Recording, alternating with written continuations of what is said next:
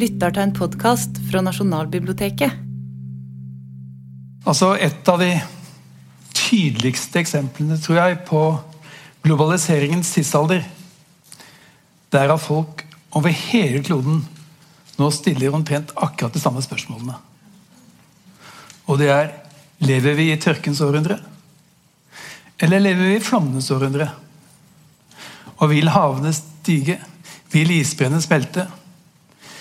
Vil klimaflyktninger bli vanlig? Altså Jeg tror det må være første gang i historien at om du er kristen eller muslim eller hindu eller mor i Asia eller Europa, så stiller du de samme spørsmålene. Og Det sier noe om eh, betydningen da, av eh, den tematikken som jeg skal prøve å snakke om i dag. Fordi at det er jo sånn at uh, Hvis man f.eks. går til Asia og ser på elvesivilisasjonene der De store elvene i Asia som alle sammen så å si kommer fra Himalaya.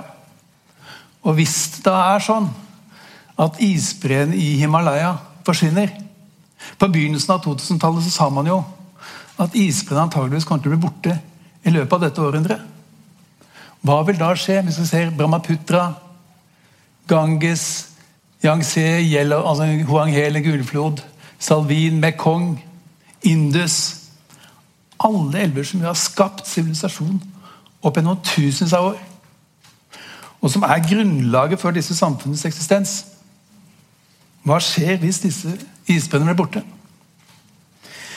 Og det er klart at For et land som Kina med en sånn sterk historisk bevissthet som de har, så er de veldig klar over at er det noe som har veltet dynastier opp gjennom historien, så er det endringer i klima.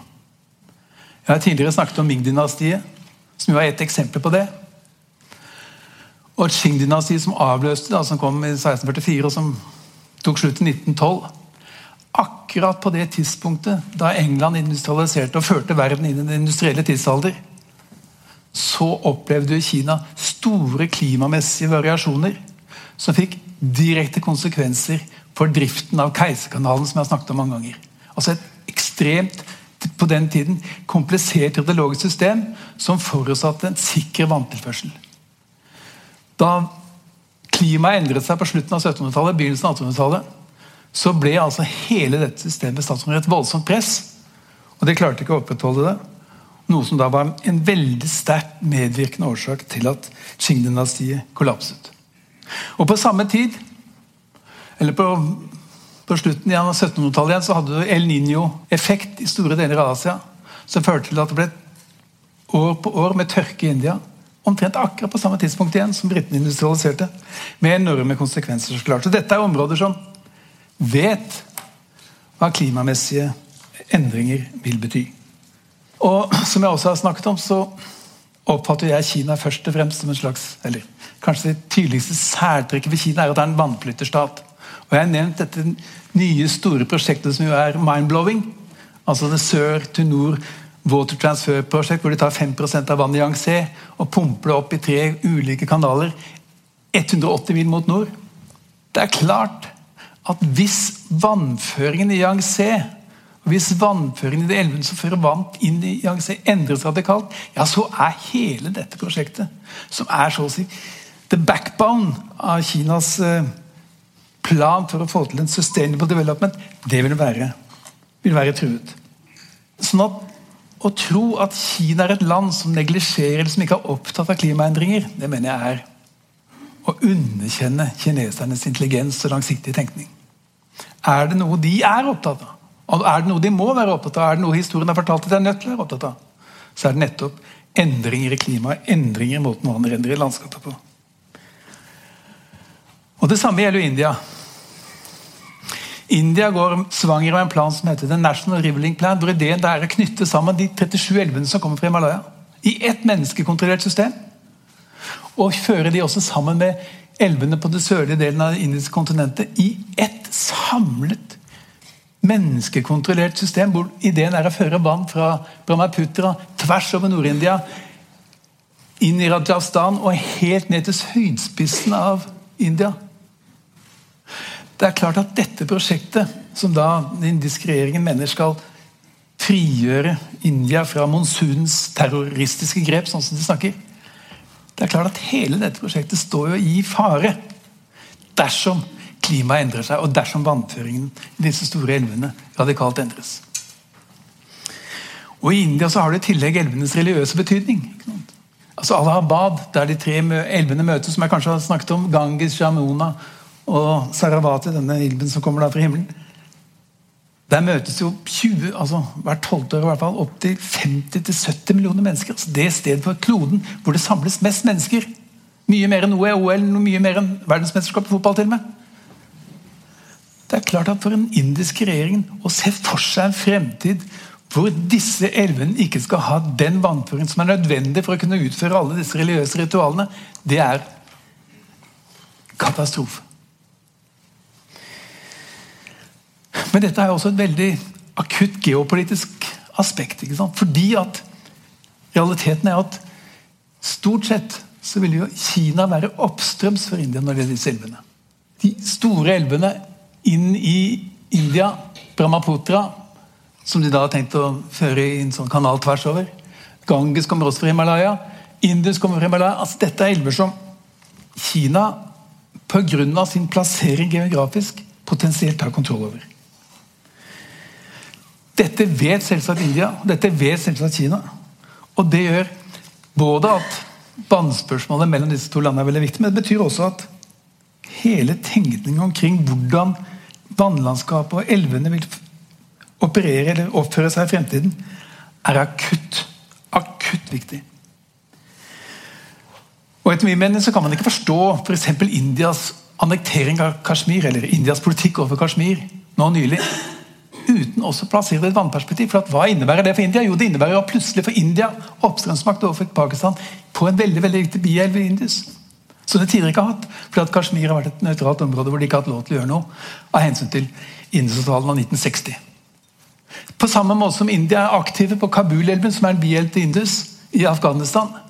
Noe som da pakistanerne prøver å forhindre, for de vet jo at dersom India også får kontroll over den elven, så vil Pakistan være en skrustrikke vis-à-vis sin fiende India. Og Mange vet jo kanskje at den krigen som har pågått lengst, det er en krig som ble kalt krigen i himmelen. Som er også en krig på, på Siachen-isbreen, verdens andre største eh, landbaserte isbre, mellom Pakistan og India. Som dels går på det å utøve kontroll over denne isbreen, for at denne isbreen er så viktig for vannføringen i Indus. Det fortelles historier om at Pakistan på slutten av 1990-tallet, da det var tørke i Pakistan, så vurderte presidenten i Pakistan å framprovosere smelting av denne breen ved hjelp av infrarøde stråler. Noen snakket også om å bruke atombomber for å øke avsmeltingen for å løse tørkeproblemene i Pakistan på det tidspunktet. Så det er klart at for India og for disse landene i denne regionen så er altså vannføringen i disse elvene, som da til dels blir bestemt av smeltingen av isbreen i Himalaya, ikke bare viktige økonomiske spørsmål av kulturell betydning, men det er rett og slett et spørsmål om overlevelse og makt. Nå er det jo sånn at Disse spådommene fra begynnelsen av 2000-tallet de har nå blitt ikke totalt endret, men det er ingen som nå sier at isbreen vil bli borte i løpet av dette århundret. Spådommene går på at isbreene smelter raskere enn det de normalt har gjort. Men det vil ta mye lengre tid, mener de fleste nå. Men det betyr ikke at problemet er mindre alvorlig. Det betyr at det bare oppfattes som mindre akutt. Man snakker jo selvsagt også om klimaendringer i Europa. altså Ikke bare i Odda, hvor eh, elva gikk over sine bredder, og mange andre steder i Norge. ikke sant? Men man gjør det ikke minst i Sentral-Europa. Nederland her kan jeg nevne veldig mange forskjellige eksempler, men spesielt interessant er kanskje Nederland. Det ble sagt om Nederland at eh, Eller Descartes. Den franske filosofen Descartes sa om Nederland at eh, Gud skapte verden, men eh, mennesket skapte Nederland. Og med det mente han selvsagt at altså store deler av Nederland ligger under havets overflate. Grunnen til at de da har klart å omskape disse polderne til dyrkbar mark, det er jo at de har brukt disse vindmøllene, pumpa opp vann fra polderne, og dermed gjort det dyrkbare. Og så har de forsøkt å holde havet ute ved demninger, og de har forsøkt å hindre elvene å renne ut ved polderne ved å bygge diker. Det har vært den nederlandske politikken helt opp til vår tid. Dike elvene, holde havet ute. Men så sa jo da den nederlandske regjeringen på begynnelsen av 2000-tallet at det går ikke lenger. Vi var jo intervjuet dem i forbindelse med en, en av vannfilmene vi holdt på med. Og Da sa ministeren at vi kan ikke fortsette å bygge diker til himmelen. Det går ikke. Fordi at Hvis det er sånn at det blir mer nedbør, hvis det er sånn at Alpene smelter med det i den takten som forskerne på det tidspunktet sa, og hvis det er sånn at havnivået fortsetter å øke, sånn som forskerne på det tidspunktet sa, ja, så må vi snu om. Og da vedtok nederlenderne det som i nederlandsk store sammenheng var en revolusjonær handling, nærmest. De sa vi må slutte å bygge diker. Det nytter ikke, det er ikke det vi må satse på. Isteden må vi gi land tilbake til elvene, som de sa. Altså De rev diker og skapte da naturlige flomområder for elvene. Sånn at hvis, vann, hvis det var det for mye vann i elvene, så skulle de flomme utover områder som ikke var brukt til jordbruk. Sånn at I Europa så var denne nederlandske snuoperasjonen et veldig tydelig eksempel på at også i Europa, i den mest utviklede delen av verden, så kan man ikke snu ryggen til spørsmålet om klimaendringer. Igjen så er det jo sånn at de spådommene om Alpene og nedbøren som kom på begynnelsen av 2000-tallet, de har ikke helt slått til. De har blitt justert ned. Men det har ikke fått den nederlandske regjeringen til å reversere politikken. Fordi at problemet eksisterer fortsatt. Men det har kanskje litt lengre tid på å løse. Så kan man gå til Afrika. Og alle vet jo at Afrika er et kontinent som har vært preget av mye sult, mye tørke og til dels også flom. Dere har sikkert lest historier om Kilimanjaro, eh, snøen på Kilimanjaro som ble borte.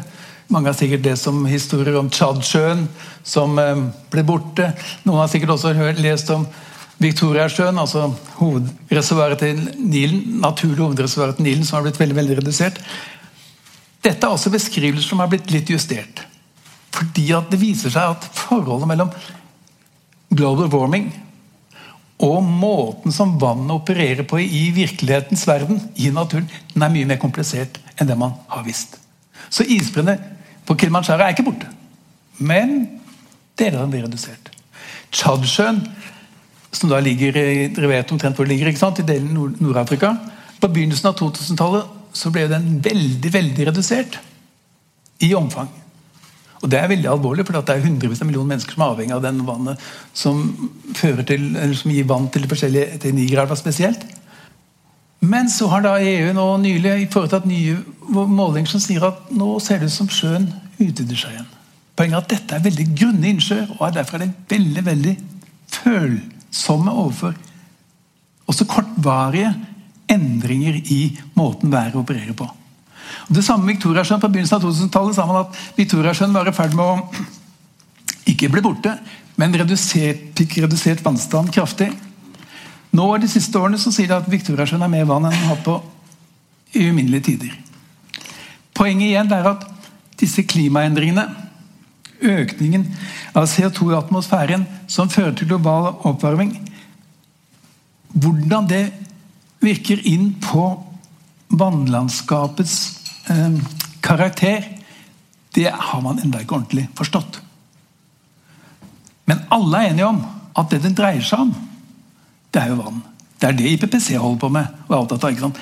Menneskelig tilpasning, samfunnets tilpasning til klimaendringer, det dreier seg om hvordan man tilpasser seg til økt flomfare, økte fare for eh, tørkekatastrofer, stigende havnivå osv. Nato hadde ikke for lenge siden altså Den største militærøvelsen inntil da hadde de i 2015 i Portugal. og Da var scenarioet et krig mellom stater i Afrika om kampen om en elv. CIA har skrevet den ene rapporten etter den andre om at klimaendringer fører til økt fare for krig om vannressurser osv. osv. Så, så mitt poeng er at alle er opptatt av at klimaendringer i samfunnet det materialiserer seg først og fremst som endringer i måten vannet renner på i landskapet. Så for meg så er altså da klimaendringer og usikkerheten om fremtidens klima det er først og fremst og kan best beskrives som om vi lever i vannusikkerhetens tidsalder. etter min mening. Altså Det er det mest presise begrepet, og det er det som er mest åpnende for å kunne analysere hva som skjer. Vi lever i vannusikkerhetens tidsalder, og det er noe nytt. Man har aldri tenkt tidligere i historien på at vannet altså Alle har skjønt at vannet er prinsipielt troløst. Man vet ikke om det regner morgen eller ei. Men man har stort sett tatt utgangspunkt i at de vannressursene som man har, det er de vannressursene man vil fortsette å ha. Og det er det ingen som kan gjøre lenger. En hvilken som helst vannplanlegger som nå reiser rundt i verden og opererer som om vannlandskapet vil fortsette å være det samme nå som om 100 år, han vil oppfattes som ikke bare naiv, men som dum. Og det er noe nytt.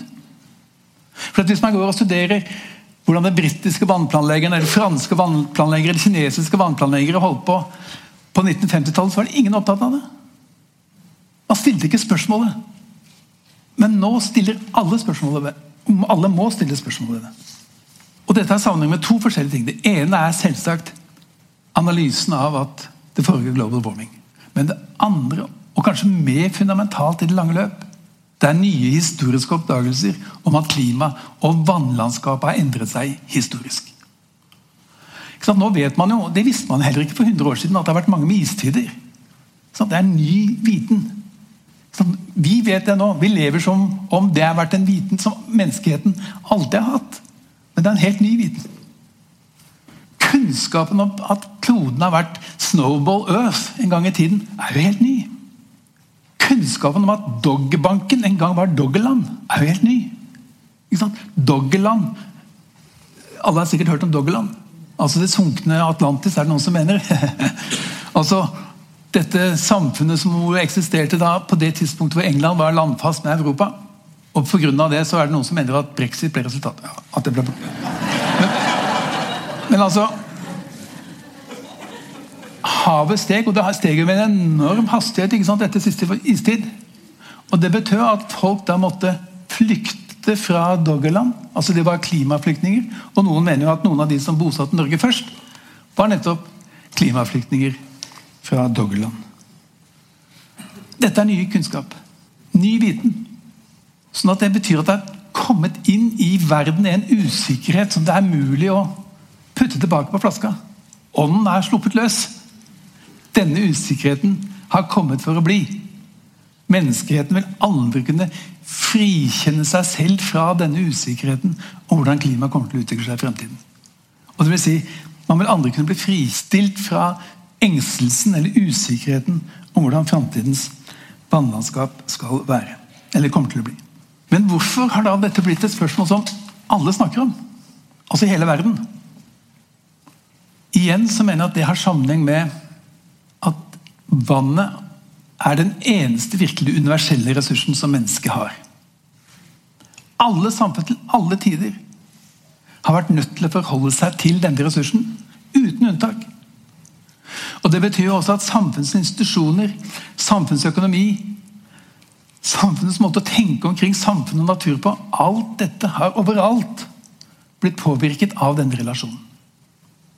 Så det er klart at når denne ressursens måte å renne på plutselig begynner å bli helt mer usikker enn noensinne har vært, ja, så er det helt naturlig at man begynner å stille disse grunnleggende spørsmålene om hvordan verden kommer til å bli. For det andre så er det sånn at dette vannet er universelt, men det er partikulært på samme tid. Og Det er helt spesielt. Ingen annen ressurs du kan si det om, som er overalt, og som samtidig endrer seg fra sted til sted og fra tid til tid på samme sted. Så er du interessert i hvordan samfunnet har utviklet seg på ulik måte, så er dette et veldig interessant utgangspunkt for komparative analyser av samfunnsutvikling over tid. For det er snakk om en ressurs som alle må forholde seg til, samtidig som den andre er den samme.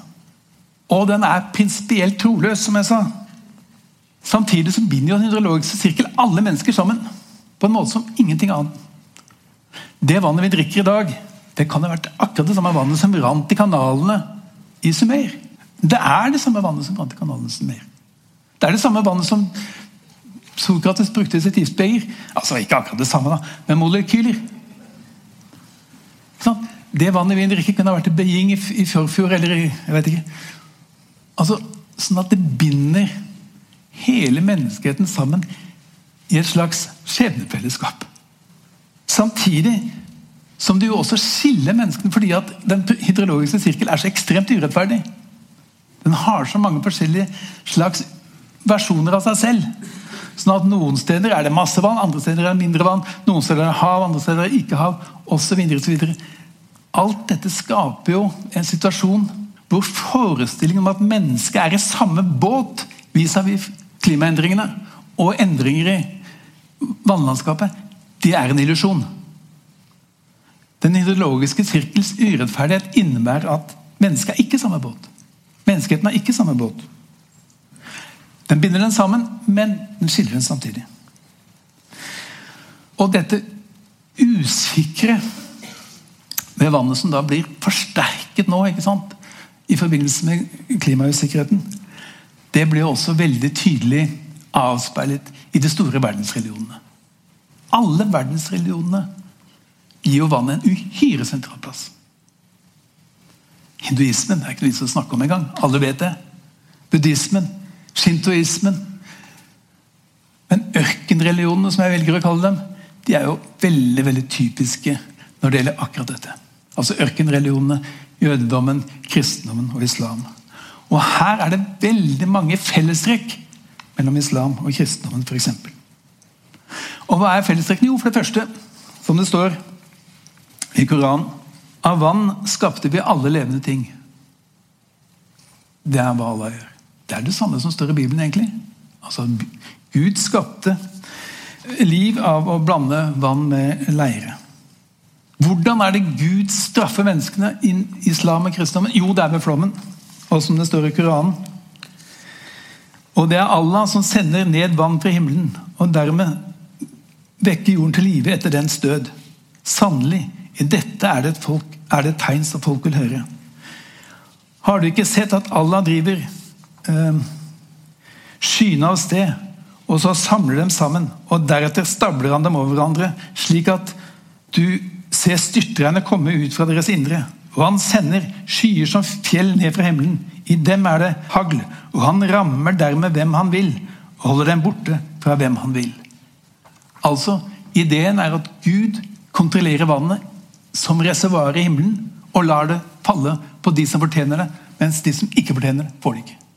Altså, Guds makt over vannets troløshet var et av de sterkeste maktmidlene Gud i ørkenreligion hadde.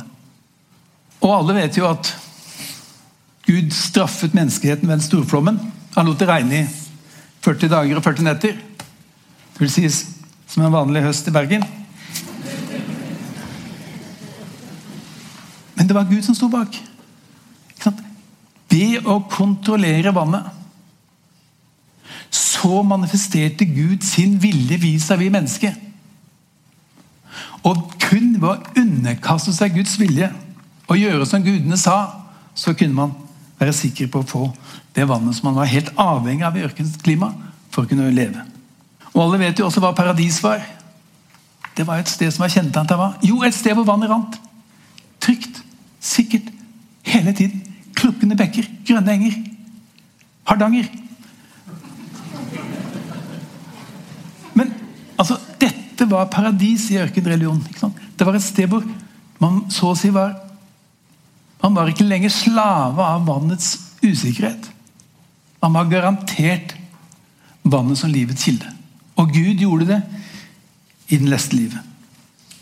Så gitt vannet er da en, en, en, ressurs som er universell, som er partikulær, som alle samfunn har vært nødt til å utvikle, seg rundt, samtidig som man har disse religiøse forestillingene om at det er gudene som har kontrollert hvordan det har oppført seg, og hvordan det har tjent eller ikke tjent menneskene, da er det klart at forestillinger om at det er nettopp dette vannlandskapet som nå er i ferd med å endre seg, ja, det Det er ikke rart at det skaper sånne kollektive spørsmål som det er skapt over hele kloden. For hva er kloden? Det er jo den blå planet. Dette bildet har sikkert mange sett. Det er bildet som, eh, som Bill Anders tok fra Apollo julaften 1968. Første gang man så kloden fra verdensrommet. Og hva er dette? Dette ble åpenbart tatt på et tidspunkt lenge etter at noen kom på å kalle denne kloden for jorda. Begrepet jorda som du har i på tysk, og arabisk, og engelsk og norsk bruker ikke sant, jord. Dette er, dette er jordbrukssivilisasjonens måte å oppfatte verden på, og kloden på. Man så der man, Den jorda man dyrka, så sa man at ok, det er verden. Men da visste man jo ikke denne kloden var helt spesiell i forhold til alle andre planeter i solsystemet. For Det vi ser her, det er jo ikke bare at det er mye blått, men ikke minst at det er mye hvitt. Og det er jo i skyene mesteparten av vannet finnes. I skyene så finnes det så mye vann at hele kloden kan dekkes med hundrevis av meter med vann. Det er en evig strøm av vann som er i atmosfæren. 70% av overflaten på jordkloden er hav. 97% av alt vann på kloden er hav. 3% er også ferskvann. 2% av dette er bundet opp i isbreer. 1% er resten. Og mesteparten av det er grunnvann under bakken. Så hvis man plasserer alt vannet på kloden i et badekar, så er det man har tilgjengelig en teskje. Det er det som er liksom ferskvannet som alle samfunn i hele verden på et eller annet vis er nødt til å forholde seg til og utnytte for at samfunnet skal utvikles. Så Derfor er det helt naturlig og veldig logisk at klimamessige endringer vil materialisere seg i endringer som vannet renner på. Og det Jeg foreslår da, jeg, ikke jeg har ikke mulighet for å gå inn på det her, men jeg mener jo at klimaforskningen det skal jeg ikke snakke om, men klimaforskningen vil være, mer, vil være tjent med å være mer opptatt av forholdet mellom den hydrologiske sirkel og hva jeg kaller den hydrososiale sirkel enn temperatur alene. Fordi at temperatur, hva betyr det? For samfunnet betyr det egentlig ikke noe særlig. Om det er én grad mer eller én grad mindre, who cares? egentlig. Det som betyr noe, er jo Regner det eller regner det ikke? Stiger havene, stiger ikke havene? Blir det tørke eller blir det ikke tørke? Og Dette har folk vært opptatt av til alle tider. Her finnes det Langs Nilen så finnes det jo opptegnelser gjennom disse nilometerne om måten vannet er rent på i tusenvis av år. Kineserne har, ned, har selvsagt omfattende nedtegnelser av dikebrudd og flommer osv. i tusenvis av år. Norske kirkebøker vil ha masse beskrivelser av dårlige vintre, lange vintre osv. Så, her vil det finnes et enormt stort historisk datamateriale om hvordan klimaet endret seg over tid. Mye, mye mer omfattende enn temperaturmålinger. så klart, for Temperaturmålinger er det første noe veldig nytt. For det andre er det veldig få land som virkelig har drevet med det systematisk. Og for det tredje så vil temperaturmålinger hele tiden bli påvirket av uh, om det er nært byer. Også. Det er mange mange ting, ytre faktorer som påvirker temperaturmålingene. Det er det selvsagt også når det gjelder måten vannet renner i landskapet på. Men her er det også en mulighet til å åpne opp en, et svært empirisk felt for å studere måten som klimaet endret seg over tid. Som jeg tror det er mer fruktbart, i hvert fall vil det være veldig fruktbart som et tillegg til denne ensidige opptattheten av akkurat temperatur. Og for det andre, Hvis du da er opptatt av forholdet med den hydrologiske sirkelen, den sosiale sirkel, så understreker det også hvordan mennesker gjennom å påvirke måten vannet renner i landskapet på, influerer klimaet. For Det må jo være helt klart at måten som kineserne for eksempel, amerikanerne har flyttet vann over svære områder i disse to landene, har hatt en enorm betydning for klimaet. Alle som har gått i en eh, svær irrigasjonsområde der det er 50 graders varme, vet jo at det er som å gå ah, Det er så behagelig. Det er kjølig, ikke sant? Det er en helt annet klima med en gang. Så det har konsekvenser både lokalt og regionalt og antageligvis globalt. Fordi at når det influerer på den hydrologiske sirkels måte å renne gjennom samfunnet på, så vil det også ha en feedback. Eh, eller vil det også ha en innflytelse på hvordan den hydrologiske sirkel eh, fungerer innenfor det naturlige systemet. Men det skal jeg altså ikke snakke om. Jeg skal heller snakke om ja, Vi holder på med historie ikke sant? og samfunn. Og da er det viktig å studere Hvis det er sånn, og det er jo alle enige om, at det er en stor usikkerhet om hvordan vannet vil renne i landskapet i fremtiden, så er det også betydningsfullt at samfunnets sårbarhet overfor endring i vannlandskapet har historisk sett hele tiden økt. Fordi at utnyttelsesgraden har blitt større og større. Vi har snakket om allerede at De første sivilisasjonene oppstår jo pga. irrigasjon. Irrigasjon skapte sivilisasjon. Sumer, Indus-sivilisasjonen, Egypt. Altså de første, Selve arbeidsdelingen, det å ha mulighet til å skape et jordbruk som skapte et overskudd som var tilstrekkelig for å etablere stat, pestlærde, skriftlærde, bønder, bybeboere, det var kontroll med vannet. Irrigasjon. Vi har snakket om Kina og hvordan Ming-dynastiet søkte å løse så å si, de regionale motsetningene mellom Nord-Kina og Beijing, som hadde da blitt plassert der oppe for å beskytte Kina mot potensielt invaderende eh, folk fra slettelandet mot Mongolia. Og det grøderike Yangtze, og at de derfor måtte bygge denne kanalen eh, mellom eh, Yangtze og, og, og, Beijing. Og la oss se, taoismens far han sa jo at den som vil forandre verden, må kontrollere vannet. Det er ved å kontrollere vannet at man forandrer verden, sa taoisten. La oss se. Altså, En region som jo ble oppfattet som å være veldig sånn natur eh, Ute etter harmoni. Eh, naturen har sin egen eh, mening osv. Men når det gjaldt vannkontroll, så gjaldt ikke det. Fordi Det som da ble veldig tydelig når du ser på vannkontrollens betydning gjennom historien, det er jo at forestillingen om at det var den vestlige sivilisasjonen, eller kapitalismen, eller kristendommen eller jødedommen syn på forholdet mellom menneske og natur som så å si skapte syndefallet, som, som var forutsetningen for at man begynte å erobre og angripe naturen for å utnytte naturen i menneskets egeninteresse.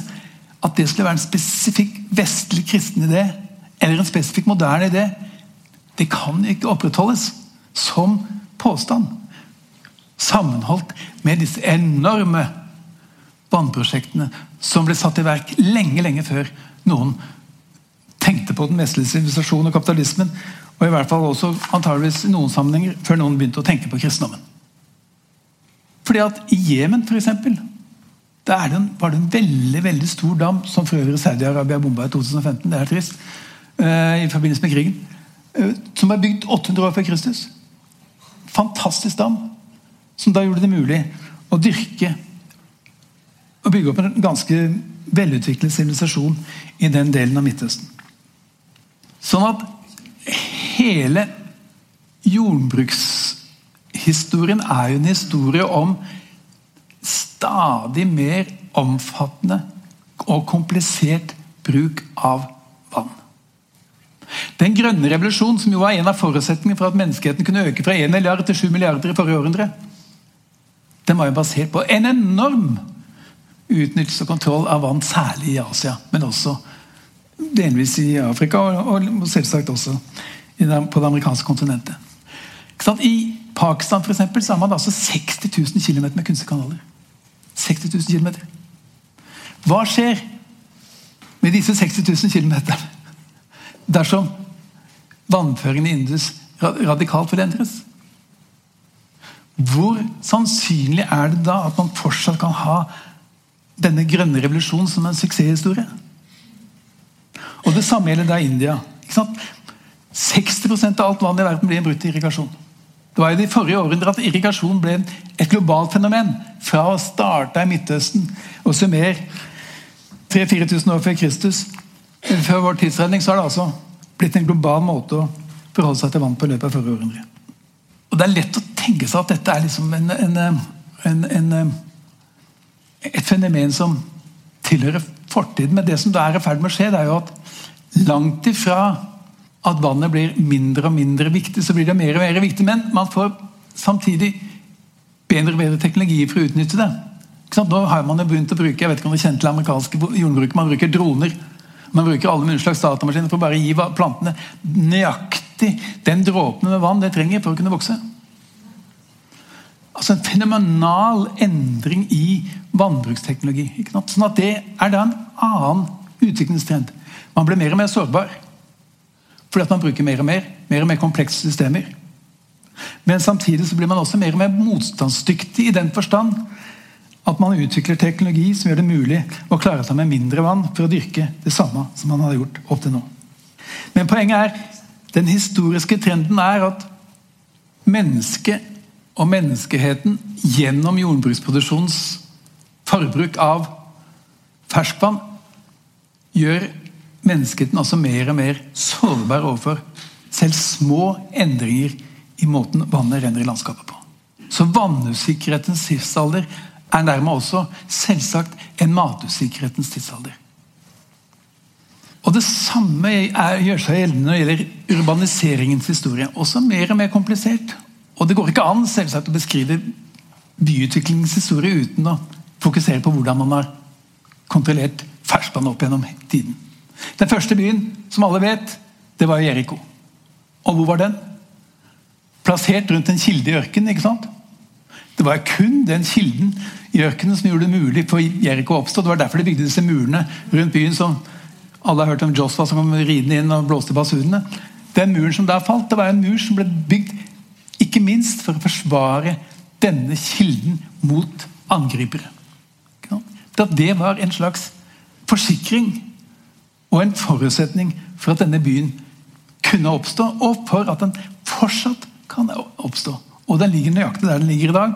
Og kilden den fortsetter å produsere akkurat like mye vann som den gjorde for 6000 år siden, eller 8000 år siden. Og Jeg snakket med Mohenjo-Daro i industrialisasjon. Bør ikke gå inn på det igjen. Men poenget det var jo også en, en, by som Fordi den lå der den lå, så var den nødt til å håndtere og kontrollere og føre vann inn til byen. Og bruke vann for å føre avfall ut av byen, inn i Indus igjen osv. Og, og Rom det er en fyr som heter Sextus Fontinius. Han var sjef for vannsystemene i Rom. og Han sa Æsj, han skjønte ikke hvorfor folk var så opptatt av pyramiden i Egypt. Hva var det for noe? I forhold til det vannsystemet som romeren hadde. Glem Pantheon, sånn. Glem disse fine bygningene. Det som virkelig betyr noe, det er jo akvaduktene. Så de hadde 578 km med akvadukter. Og som ga hver eneste innbygger i Rom 1000 liter vann per døgn. Og de hadde så mye vann at det kan man se i dag når man drar til Rom, så står disse fontenene renner hele tiden. Og det var som et tegn på overskudd. Og de hadde 1211 fontener, eller hva det var. ikke sant? Fordi det var jo sånn da, som det er fortsatt, at det var en, en geograf som het Pausanius, som reiste rundt i middelhavsområdet 200 år før Kristus. Han sa at ingen by kan kalle seg en by med rette uten at de har en fontene i sin midte. For at den fontenen, hva var det den symboliserte? Jo, den symboliserte menneskets makt over naturen. Kulturens seier over naturen. Altså byens seier over naturen. Altså, forutsetningen for byens eksistens er jo at du bringer vann til ansamlinger av mennesker som er nødt til å ha dette vannet for å kunne leve. Det er den eneste ting som alle må ha hele tiden. Du kan ikke tenke deg Det er ikke mulig å bygge opp en by uten at du på et eller annet vis kontrollerer vannet ved hjelp av teknologi. Og Rom gjorde det altså på sin måte. Venezia gjorde det på en annen måte. Jeg snakket om eh, Leonardo da Vinci og det bildet av Mona Lisa som sikkert mange husker. Poenget er at Leonardo da Vinci var ikke bare der han var opptatt av dette, han var også opptatt av det i Venezia. Venezia hadde på det tidspunktet monopol som jeg snakket om tidligere, på handelen pga. forbindelsen til det osmanske imperiet. Men det betyr at det var veldig mange som var interessert i å ta Venezia. Så hvordan forsvare Venezia? Jo, Problemet er at det var tre elver som rant inn, ut i bukta der Venezia ligger. Og Disse elvene kom med så mye slam at hvis de fikk lov til å fortsette å renne, og renne, og renne, så ville kanskje bukta bli fylt med slam. Men først og fremst sa Leonardo da Vinci og andre at det ville skape et problem. For da ville det bli så lett å ta byen. Så det de gjorde, det var at de førte elvene på si utenfor byen og lot dem renne ut i havet nedenfor byen, så å si. For at de skulle ha akkurat den riktige vannstanden. Fordi at Leonardo da Vinci han utviklet også en slags Han prøvde i hvert fall utviklet en slags teknologi hvor man kunne gå opp av truger på denne gjørmete jorda. Hvor ideen var at venesianske soldater kunne gå på bakken under vann og så kunne angripe tyrkiske skip nedenifra. Han hadde også en plan om å bygge en demning, sånne flytende demninger på en av elvene. sånn at hvis de kom, så skulle de bare føre mer vann ut i, lagunen, sånn at de kunne bli drukna på den måten. Men poenget er at Venezia var altså enda en av disse byene som hadde som forutsetning hydraulisk kontrollarbeid av ganske komplisert art. Sånn at Mitt poeng er at opp gjennom historien så har du da, altså opp gjennom urbaniseringshistorien så vil du se en stadig mer komplisert og omfattende kontroll av vannsystemene. Som igjen da selvsagt innebærer at disse byene i hvert fall potensielt blir mer sårbare for klimamessige endringer. Noen tror kanskje at Oslo er et unntak. Da har du vel hørt om elvetyveriet? Altså at man stjal elver fra Nittedalen og Hakadal? Poenget er at man snudde jo to elver som egentlig rant ned Nittedal og Hakkedal, og førte den inn i Nordmarka isteden, sånn at det endte opp i Maridalsvannet. For å skaffe nok vann til den byen som da begynte å utvikle seg, som da på det tidspunktet het Kristiania. Så selv i Oslo så har du da ganske kompliserte eh, systemer for å tilføre vann som er tilstrekkelig til å holde denne byen i live. Men det er for ingenting ikke sant, hvis du sammenligner med Mexico City, som er en by på 20 millioner mennesker. Altså, Du kan få Danmark og Sverige og Norge plassert i den samme byen omtrent. På ei slette. Det er ikke, det er ikke en elv. Hva gjør det da? Jo, du begynner å føre vann fra enormt svære og lange avstander. For På et tidspunkt på 1990-tallet så het det seg jo at Mexico City synker mens byen drikker. Man drakk, man tok ut grunnvann. Det betød at grunnen sank, og det betød at hele byen sank. Sånn at denne katedralen sto i midten av byen den sto jo på skeive. For at En del av den var bygd på et gammelt astekertempel. Det var da hele ironien i historien. ikke sant? For at Spanjolene kom jo og tok eh, kål på astekerne. Men så bygde de da denne katedralen oppå et astekertempel. Og dette astekertempelet det sank ikke. Så det betød at fordi at de hadde gjort denne tabben i sin tid, samtidig som byen sank mens folk drakk, så jobbet de i mange år for å redde denne katedralen fra å sprekke i to. Samtidig som de da begynte å hente vann 1000 meter lenger ned enn Mexico City, og pumpet det opp til Mexico City i vanvittige, kompliserte systemer. ikke sant? Som krever altså en evne til å kontrollere vann og til å, og til å planlegge hydrauliske systemer som selvsagt er av en helt annen størrelsesorden det som har vært tilfellet tidligere, men som samtidig da gjør Mexico City sårbar. Mer sårbar nå enn noensinne for klimamessige endringer. Sånn at det som da skjer, da, både når det gjelder jordbrukets, jordbrukets utvikling, når det gjelder urbaniseringens utvikling, det er også at vannforbruket øker, vannkontrollen øker, vannkontrollen blir mer og mer komplisert endringer i måten vannet renner naturlig på i landskapet, vil derfor potensielt bli en stadig større trussel. Og Da har jeg ikke engang snakket om eh, bruken av vann som kraftkilde, som jo selvsagt er kanskje den aller, aller viktigste rollen som vannet har hatt. Nei, det er vanskelig å si, men det er iallfall en veldig, veldig viktig rolle som vannet har hatt historisk. fordi at det er jo vannkraft som er menneskehetens kraftkilde. Olje har bare vart Altså fossil energi, hva er det for noe? Det har vart noen hundre år. Mens vannkraften den begynte man jo å bruke Den første vannhjulet man kjenner til, var vel noen 400 år før vår tidsregning. omtrent. Det var første gangen i menneskehetens historie at man slapp å gjøre allting sjøl. Eller en okse som måtte gå rundt i ring. Eller, altså at menneske eller dyr ble avløst fra en så å si ekstern kraftkilde.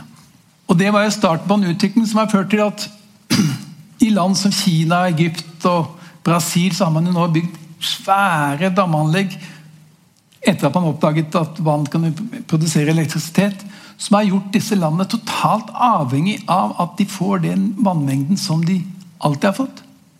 For å kunne produsere den strømmen som landet er avhengig av for å kunne fungere. Aswandammen elektrifiserte Egypt. Det Three Gorges Dam i Kina er jo verdens største eller, eh, vannkraftanlegg. Hvis disse anleggene ikke får den vannet som de er bygd for å håndtere, så er det klart at da blir ikke bare landet eh, rammet, men også hele økonomien i prosjektet vil jo bli rammet. Som da igjen vil ha sine ringvirkninger. Så for å lage en lang historie kort Mennesket har også blitt mer og mer sårbart over endringer i vannets måte å renne i landskapet på. Det har blitt mer og mer sårbart overfor klimaendringer. Fordi at klimaendringene først og fremst dreier seg om endringer i måten vannet renner i landskapet på. Samtidig så er mennesket også frigjort seg fra vannets kraft og vannets makt. Nå kan man reise over alle verdenshav og produsere sitt eget vann. Utenkelig tidligere, så klart. Nå kan man føre vannet i gigantiske avstander. Noe man ikke kunne tidligere. Da var man bundet fast i elvebreddene. Nå har man ikke det lenger. Men nettopp det at man ikke er bundet til elvebreddene, gjør også at man blir sårbare for endringer i vannets måte å renne i landskapet på, fordi at disse svære systemene for transport av vannet med store avstander kan bli rammet av at vanntilførselen endrer seg, og dermed at disse store vannanleggene ikke får de, den, den, tilførselen av vann som, som, som, de trenger for å kunne fungere. I hvert fall. Denne utviklingen har da altså, altså kombinasjonen av at vi lever i bannesikkerhetens tidsalder, samtidig med at den historiske utviklingen har gått i en retning hvor man har blitt mer og mer avhengig av stadig mer sofistikerte måter å kontrollere vannet på, gjør at sårbarhetsgraden har økt. Men som jeg sa i sted, så betyr ikke det at sårbarheten er den samme for hele verden. Eller at reaksjonene på endringer i måten vannet renner på i landskapet, vil være den samme over hele verden. Mange snakker jo om å ha påvist at isen på Grønland smelter. Noen steder mer enn andre steder, riktignok. Noen steder så vokser den jo, mens andre steder så smelter den jo. På Grønland er det mange som håper at isen skal smelte. Hva får de ut av det? Jo, for det første, de kan da bli verdens største vannkraftprodusent. Det er jo enorme vannmengder som er, ligger høyt oppe, ikke sant? som skal renne langt ned. Tenk deg hva de kan produsere! Det var en plan for dette som amerikanerne hadde rett til annen verdenskrig. Vi fremtvinger nedsmelting av deler av grønlandsisen for nettopp å produsere vannkraft. Nå trenger de ikke det. Og så håper de selvsagt også at under isen skal det vise at det ligger enormt masse forskjellige veldig, veldig verdifulle metaller. Så Grønland vil altså ikke ha den samme interessen av å bekjempe endringer i klimaet i for mange på Grønland. Som det f.eks. folk som bor langs Nilen i Egypt eller langs de store elvene i Asia. Det er klart at Hvis eh, klimaet igjen skulle endre seg i Sahara, sånn som de gjorde det som jeg har snakket om tidligere, 5000 år før vår tidsregning, altså da klimaflyktninger kom fra Sahara og bosatte seg langs med Nilen Hvis Nilen plutselig skulle begynne å få radikalt redusert vannføring, ja, da vil klimaflyktninger få et helt nytt begrep. For hvor skal 100 millioner egyptere gjøre av seg? De er jo helt avhengig av at den elva fortsetter å bringe mer eller mindre den samme mengden vann som den gjør i dag. Og Særlig da når de andre landene oppstrøm skal ha sin bit. Hva skjer da hvis klimaet endrer seg? Å tenke seg at egypterne og grønlenderne skal ha de samme interessene her, mener jeg er naivt. Da må menneskeheten oppfinnes på nytt. han har sagt. For sånn er det ikke. Det er jo også sånn at det finnes jo historisk eksempler på at sivilisasjoner har kollapset pga. måten som vannet har rent i landskapet på. Altså Som jeg sa i sted, kunnskapen om vannsikkerhetens tidsalder er ny. Men vi vet jo nå at tidligere sivilisasjoner har kollapset pga. måten som vannet har rent i landskapet og hvordan den har endret seg over tid. Jeg har tidligere snakket om Sumer og Indus-sivilisasjonen. Skal ikke snakke om de nå. Men jeg kan snakke om Angkor Wat. Det er da en sivilisasjon som ligger i Kambodsja. Dere ser Mekongelva som renner nedover der. Og når den er i flom, så demmer den opp Tonle Sapp, det er den sjøen som eh, er på blått der. Og den elva som renner ned dit, den heter Tonleelven. Når Indus har mye vann, så fungerer den som en slags naturlig demning. Sånn at vannet i Tonneelva renner motsatt vei, altså oppover. Og Det betyr at den blir en veldig veldig fruktbar elv. I den forstand at den har med seg veldig masse næringsstoffer. Noe som gjør at Tonle Sappsjøen har blitt en ekstremt flott sjø for fiske. I dette området rundt 1200-tallet så utviklet seg da en sivilisasjon som heter Angkor Wat. Mange har sikkert hørt om den, mange har sett disse fantastiske bygningene. ikke sant? Eh, som de da oppdaget på et mye mye senere tidspunkt. For dette var jo så å si en glemt sivilisasjon før den ble oppdaget Ja, først av kineserne, og så senere av franskmennene. Men det var da en irrigasjonssivilisasjon, så klart. Veldig omfattende områder under kunstig vanning. Og en kombinasjon da, av hybris. Altså, man bygde opp et irrigasjonssystem som var altfor komplisert i forhold til hva de klarte å håndtere. Blandet med endringer i klimaet førte til at denne sivilisasjonen, mener mange nå, gikk heden i løpet av 1300-tallet. Altså en strålende sivilisasjon, khmer-sivilisasjon i, i hjertet av Kambodsja. Som altså, etter det forskerne nå har funnet ut de siste årene, ganske tydelig var utsatt for mange år med tørke, som da førte til at disse vannanleggene ikke fikk det, de ressursene som de trengte for å kunne produsere den maten som samfunnet var avhengig av. Så Det er et, enda et eksempel på en sivilisasjon som ja, det er mulig å tenke seg at sivilisasjoner kollapser pga. endringer i måten vannet renner i landskapet på. Det er selvsagt ikke noe argument for at det vil skje i fremtiden. Men det er heller ikke et argument mot at det vil skje i fremtiden. En annen sivilisasjon som jeg så vidt har vært inne på, det er jo maya-sivilisasjonen i Sør-Amerika. Det var også en uh, svær sivilisasjon uh, helt opp til uh, Yucatan-halvøya i Mexico og nedover i, Guatemala der. Den dekket altså et svært område, millioner av mennesker. Og som jeg har vært inne på tidligere, kjerneområdene var plassert i hva som ble kalt en slags årtidsørken. altså deler av året så regnet det ikke, deler av året så regnet det mye. Basert på kunstig vanning. De bygde opp byer på noen sånne platåer. Og som en del av bykonstruksjonen så bygde de også reservoarer. Og det beste av disse reservoarene var i stand til å holde vann i 18 måneder. Herskerne styrte i Maya-sivilisasjonen på grunnlag av en slags kontrakt med gudene. Og denne kontrakten gikk ut på at de skulle sørge for at det alltid var nok vann i reservoarene, sånn at man kunne dyrke og en, være en, en velstående jordbrukssivilisasjon.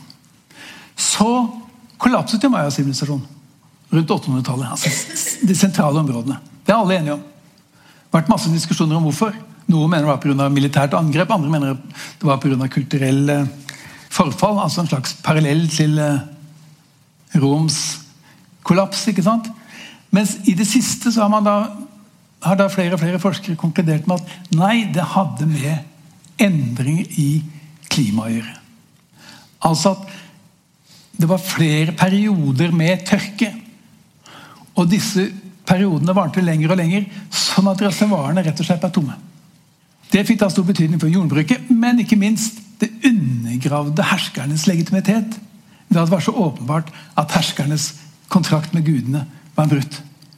De hadde ikke lenger legitimitet som samfunnets ledere. Det eneste området som den, denne sivilisasjonen fortsatte på, det var jo på Yucatán-halvøya. fordi at der fantes det vannressurser som så å si fungerte som noen banker. De kalles seanoter. Eh, altså det var områder som hadde helårsbrønner, sånn at der kunne det fortsette å dyrke. Eh, og det gjør det jo helt fram til i dag. Så igjen, mitt poeng er altså at sivilisasjoner har gått heden pga. klimamessige endringer. Sivilisasjoner har kollapset pga. endring i måten vannet renner i landskapet på. Sånn at eh, å avvise at noe sånt kan skje på nytt, det ville være veldig eh, overflatisk og ahistorisk. Men igjen, det vil være akkurat like ahistorisk å si at det vil skje på nytt. I hvert fall så er det sånn at denne forestillingen da, som nå er blitt dominerende, om at mennesket påvirker klimaet fundamentalt Det er en veldig revolusjonær endring i måten man forstår forholdet mellom natur og samfunn på. For at Historisk sett så har det vært gudene som har bestemt været. Det er gudene som har bestemt klimaet. Sevs bestemte når det skulle regne. I norrøn mytologi til og med, så var det Thor som bestemte når det skulle regne. Og det har vært Allah, det har vært Javé. Og i Kina som jeg snakket om, var det himmelens mandat. Altså Keiseren måtte herske i samsvar med himmelens mandat. Det var ingen på det tidspunktet snakket om at det var mennesket som skulle påvirke hvordan isbreene beveget seg, eller atmosfæren fungerte, eller hvordan den hydrologiske sirkel skulle virke. Det er en helt, helt ny idé. Og hva skjer når det ikke er Gud som har ansvar for å være? Eller når man ikke styrer i henhold til himmelens mandat, men det er Erna med et mandat fra Høyres landsmøte som bestemmer været? Ja, men hva betyr det for det politiske systemet når politikere blir gjort til ansvar for hvordan klimaet utvikler seg? For hvordan været er, rett og slett. Og ikke bare her, men over hele verden. Dette mener jeg er veldig veldig viktig å reflektere over. Da. Hva er konsekvensene? Hva vil være langtidskonsekvensene av at man f.eks. oppfatter at det er den vestlige kapitalismen som er årsak til disse enorme klimaendringene, og dermed de potensielt store katastrofene som kommer til å skje i verden. Og, blir, og syndebukkene kan identifiseres som mennesker og som personer.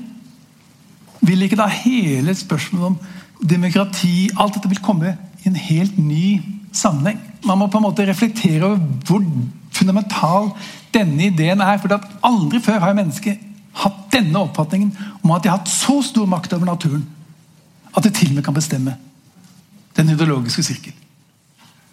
Det er en slags form for kanskje hybris, eller en slags form for ja, det er en slags form for hybris òg, men samtidig så er det jo, mener mange, helt reelt.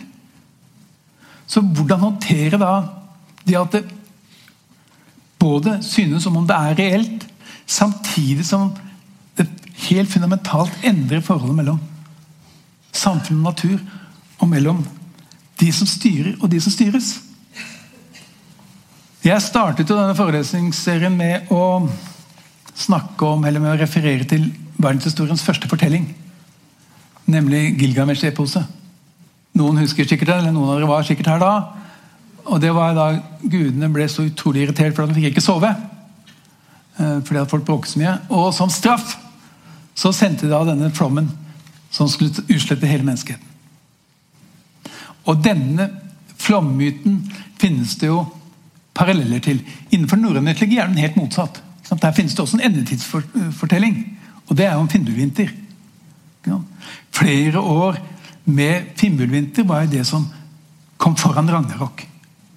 Det snødde og det snødde og Jeg husker ikke hva Snørre skriver i, Men altså Det kom fra alle kanter. og ikke var Det altså, oss, det var ikke fred og få av denne snøen. Og så kom Ragnarok, og så spiste Fenrisulven opp sola. Det var slutt.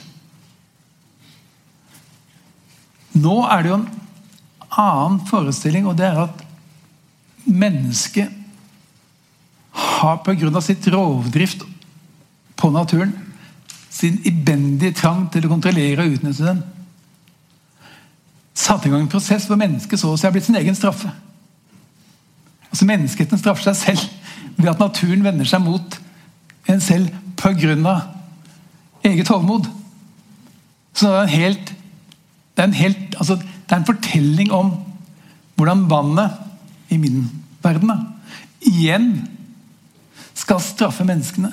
Men nå er det altså mennesket selv som setter prosessen i gang, og ikke gudene. Takk for meg.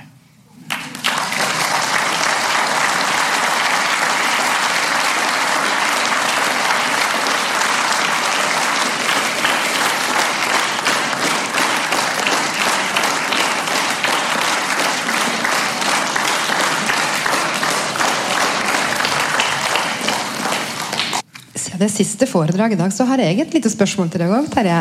Som går mer på hele serien. Det er et ambisiøst prosjekt du har satt deg fore. Ikke bare det å ha seks onsdager på rad med, med foredrag, men 5000 års med historie som, som skal gås gjennom. Kan, hva var det du ønska å få til, eller hvorfor kom den ideen her fram? Bortsett fra et øyeblikk av galskap, mener du? uh, nei, altså det var jo, Utgangspunktet var jo veldig, for meg veldig klart. Jeg holdt da på å diskutere opp og ned av sølper eh, boka 'Det internasjonale gjennombruddet'. Og drev også og forberedte en bok om Libya og krigen der. Og det som slo meg, det var jo at det var en veldig si, Ikke blottet for historisk kunnskap, men veldig lite refleksjon om historiske forutsetninger for utviklingsprosesser i ulike land rundt om i verden. Og også ulike, og veldig lite refleksjon over f.eks. de historiske forutsetningene Libya hadde for å utvikle demokrati etter en bombeaksjon mot landet. Altså, Jeg oppfattet at det var et eller annet det var noe som mangla, rett og slett. I tillegg da at Som jeg vel startet med å snakke om at eh, historien har jo blitt brukt som et arsenal hvor man henter argumenter for uh, samtidige politiske ståsteder. Altså Man har manipulert og stjålet fra historien for å fremme sin egen agenda. Mens jeg ville da ha en foredragsserie hvor altså, hvor, altså man, Ved å studere historie så blir man ikke et bedre menneske. Man lærer heller ikke noe om hva som er god moral. Men det man kanskje kan lære noe om, det er jo at menneskelig erfaring er veldig variert. Samtidig som at det skjer en utvikling. Altså, Dette er en forelesningsserie som ikke kan, og historikere kan ikke akseptere kulturrelativisme som en idé. At alle verdier er like. For da er det ikke en historisk utvikling. Hvordan kan det være en historisk utvikling? Alt er likt. Hvordan skal man da ikke en skillelinje mellom Ming-dynastiet i Kina og de første sivilisasjonene hvis det ikke er sånn at det faktisk har foregått en endring fra et eller annet til noe annet? Og som, må, og som må gå an å vurdere hva som er mest hensiktsmessig for å produsere eh, samfunn som sivilisasjon, og for å produsere eh, samfunn som kollapser. Så poenget var å lage altså, en forelesningsserie som kanskje man kan bli litt mer menneskelig av. Ja. Mer enn å bli et godt menneske. Jeg vet ikke. Altså Ut ifra den forestillingen om at kunnskap om bredden i menneskelig erfaring det er en fordel. Ikke minst en globalisert verden. Det var det ene og det andre som jeg har også hatt som et prosjekt som har vært litt sånn gjennomgripende, kanskje. Det er jo ideen om å, eller det hensiktsmessige å bruke begrepet sivilisasjon. Jeg mener at det, var, det er et hensiktsmessig begrep for å beskrive spranget fra bofast jordbruk til den første sivilisasjonen i Midtøsten, som jeg har snakket mye om. Men jeg mener også at det er et hensiktsmessig begrep når man skal snakke om den vestlige sivilisasjonen, den islamske sivilisasjonen, den hinduistiske sivilisasjonen osv. Fordi at man har ikke noe annet begrep som dekker det historiske faktum at hinduer har en helt annen forestillingsverden, har en helt andre referansepunkter, har en helt annen historie å forholde seg til enn f.eks. den islamske. Og enn den vestlige. Altså, når man innenfor den vestlige sivilisasjonen snakker om Platon, kristendommen, opplysningstiden, marxismen osv., ja, så er det en, en slags et, Ikke et felles referanseramme, men det er noe som er særegent for den vestlige institusjonen at dette har vært såpass konstituerende for måten man snakker om verden på, og hvordan man tenker om verden på.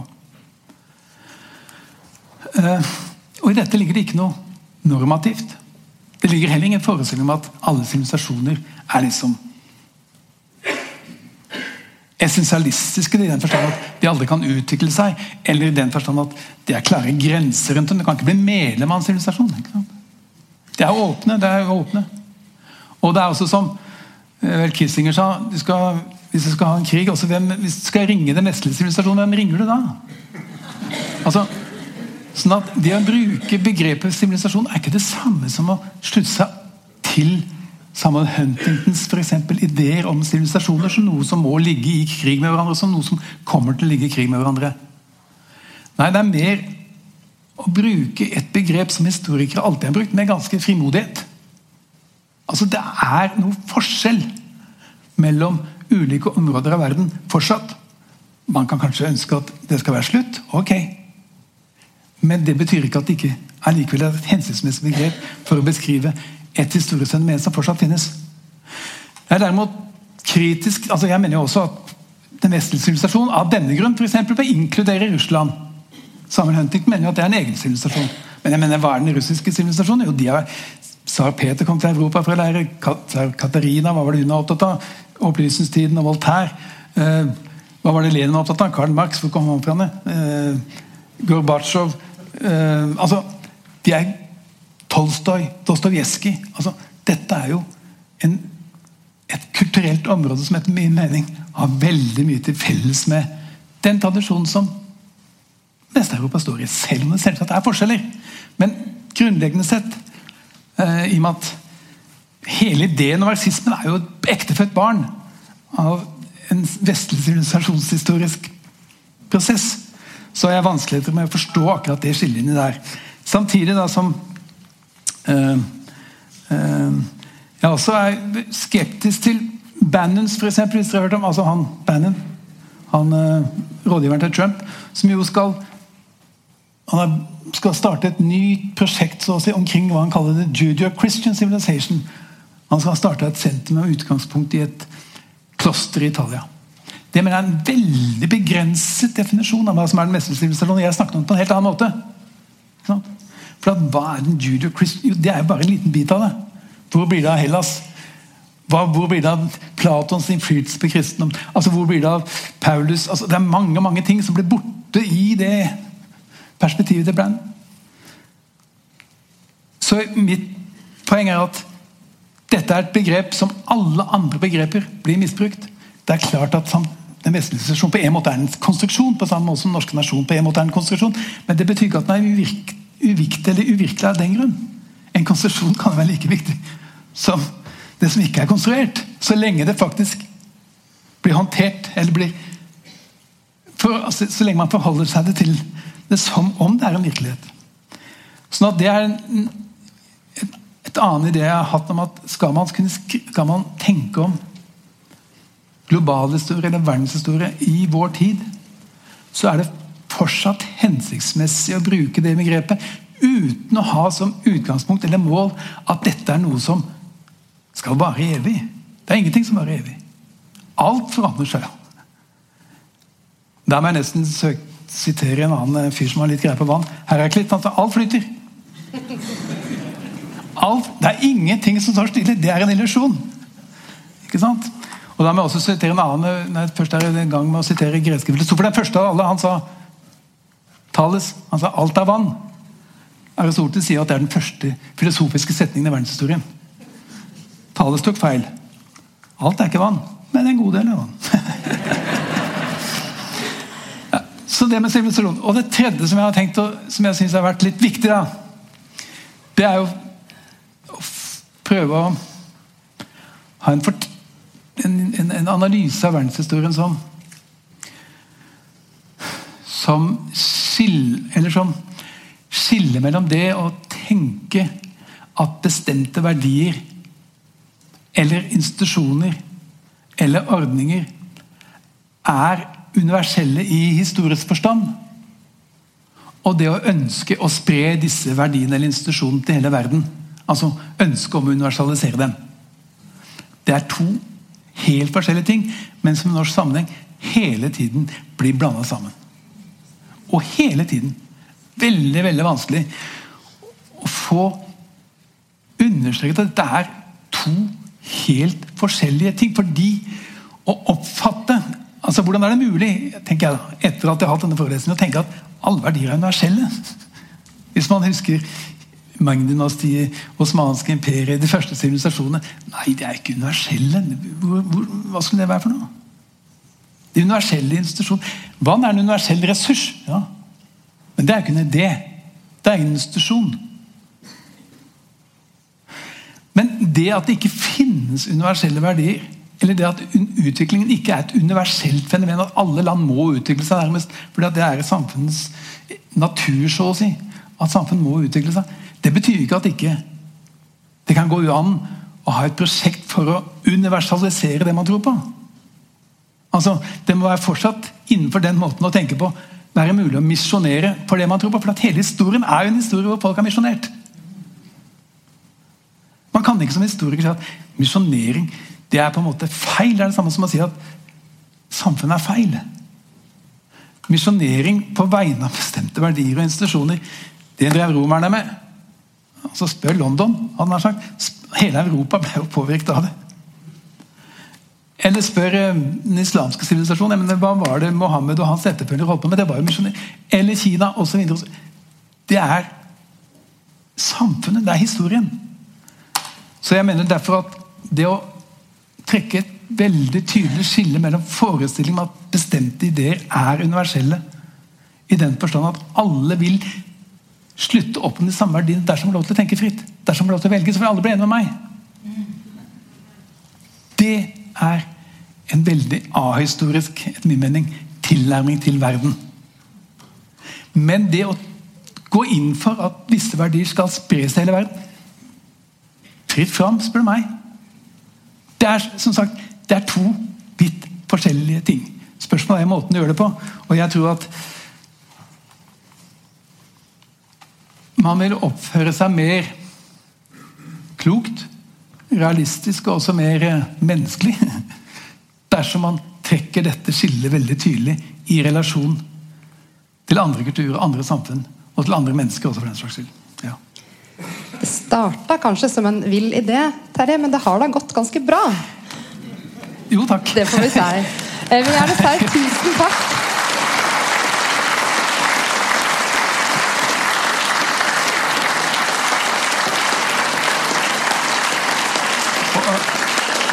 Som også applaus her og da at vi ikke får sagt noe. Og det har jo vært veldig gøy òg, Jeg Ja. syns det Innimellom.